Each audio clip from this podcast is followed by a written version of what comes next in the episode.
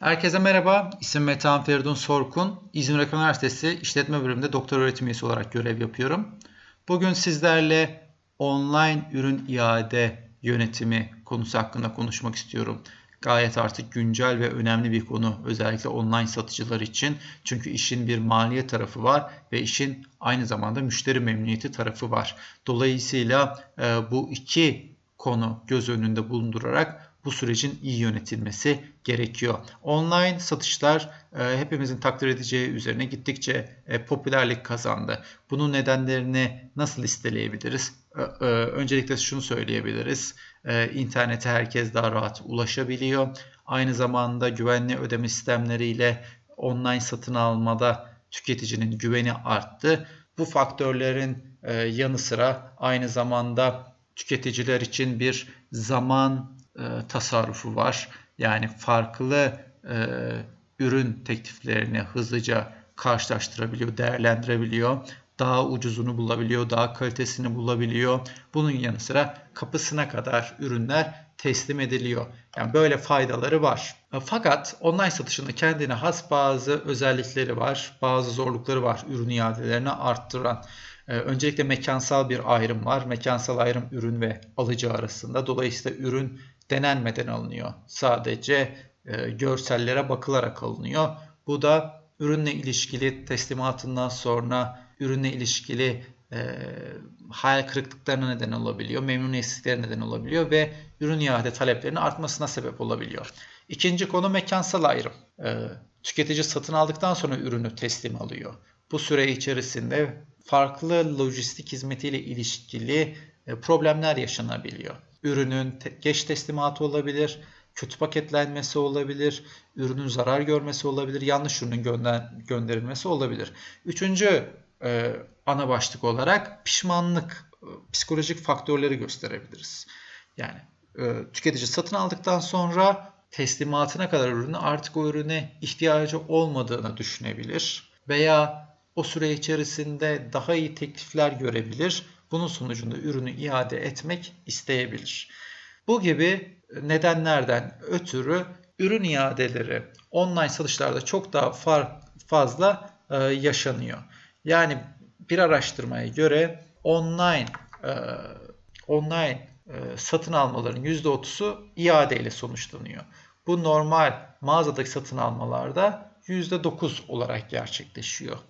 Dolayısıyla bu işin önemli bir maliyet tarafı var. Ee, bu konuya değinen UPS'in e, lojistik yöneticisi Jim Brill, e, satılan ürünlerin maliyetlerinin %20 ile %65'i arasındaki oranını ürün iade süreçlerinin oluşturduğunu söylüyor. Bu hayli büyük bir e, rakam. Fakat bir diğer yapılan araştırmaya göre de firmaların online satıcıların en karlı müşteri grubunun sürekli ürün iadesi yapan grup olduğu gösteriliyor. Bunların feedback sağladığını firmaya e, ve böylece firmanın gelişmesini sağladıkları ve aynı zamanda iade süreçlerinden mutlu oldukları için de firmaya sadık kaldıklarını söyleniyor.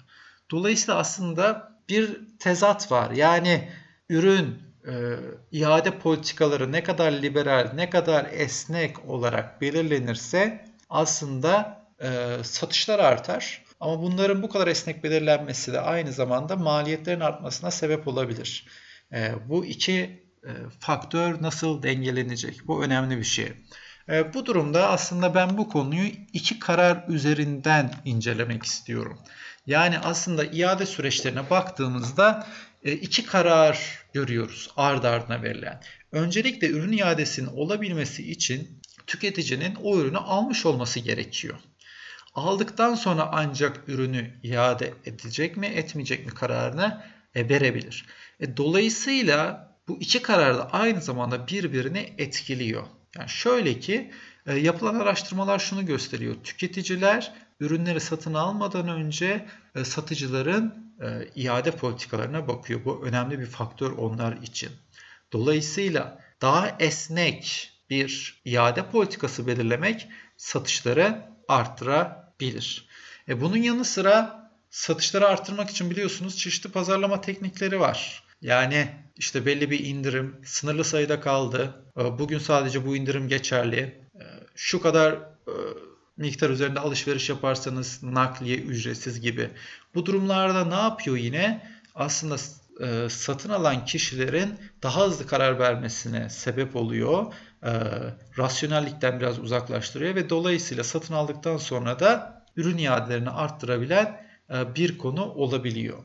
Fakat farklı bir araştırmada şunu söylüyor. Siz ne kadar ürün iadelerini esnek hale getirirseniz diyor o kadar diyor tüketicinin e, zihninde diyor sizin ürününüzün kaliteli olduğu ortaya çıkar diyor ve diyor sizden e, satın almak isteyebilir diyor.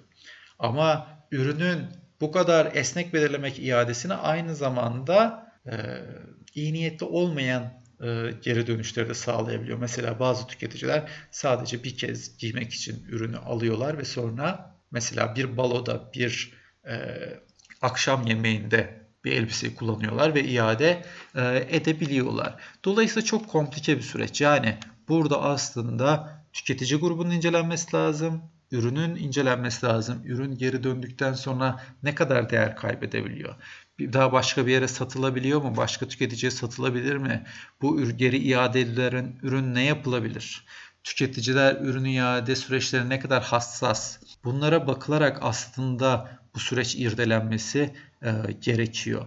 Çünkü kolay ürün iadesi demek gelecek satın almaları arttırmak demek, gelecek e, karı arttırmak demek. Ama kolay ürün iadesi demek bugünün karından da bugünün karında azaltmak demek ürün iadelerini kabul ederek. Dolayısıyla aslında ince bir çizgi var ve işin tehlikeli yanı bir araştırmaya göre bu süreçte memnuniyetsizlik duyan müşteriler şikayetlerini bildirmiyor. Sizin iade süreçlerinizden memnun değiliz diye bir geri bildirim yapmadan sizi terk ediyorlar.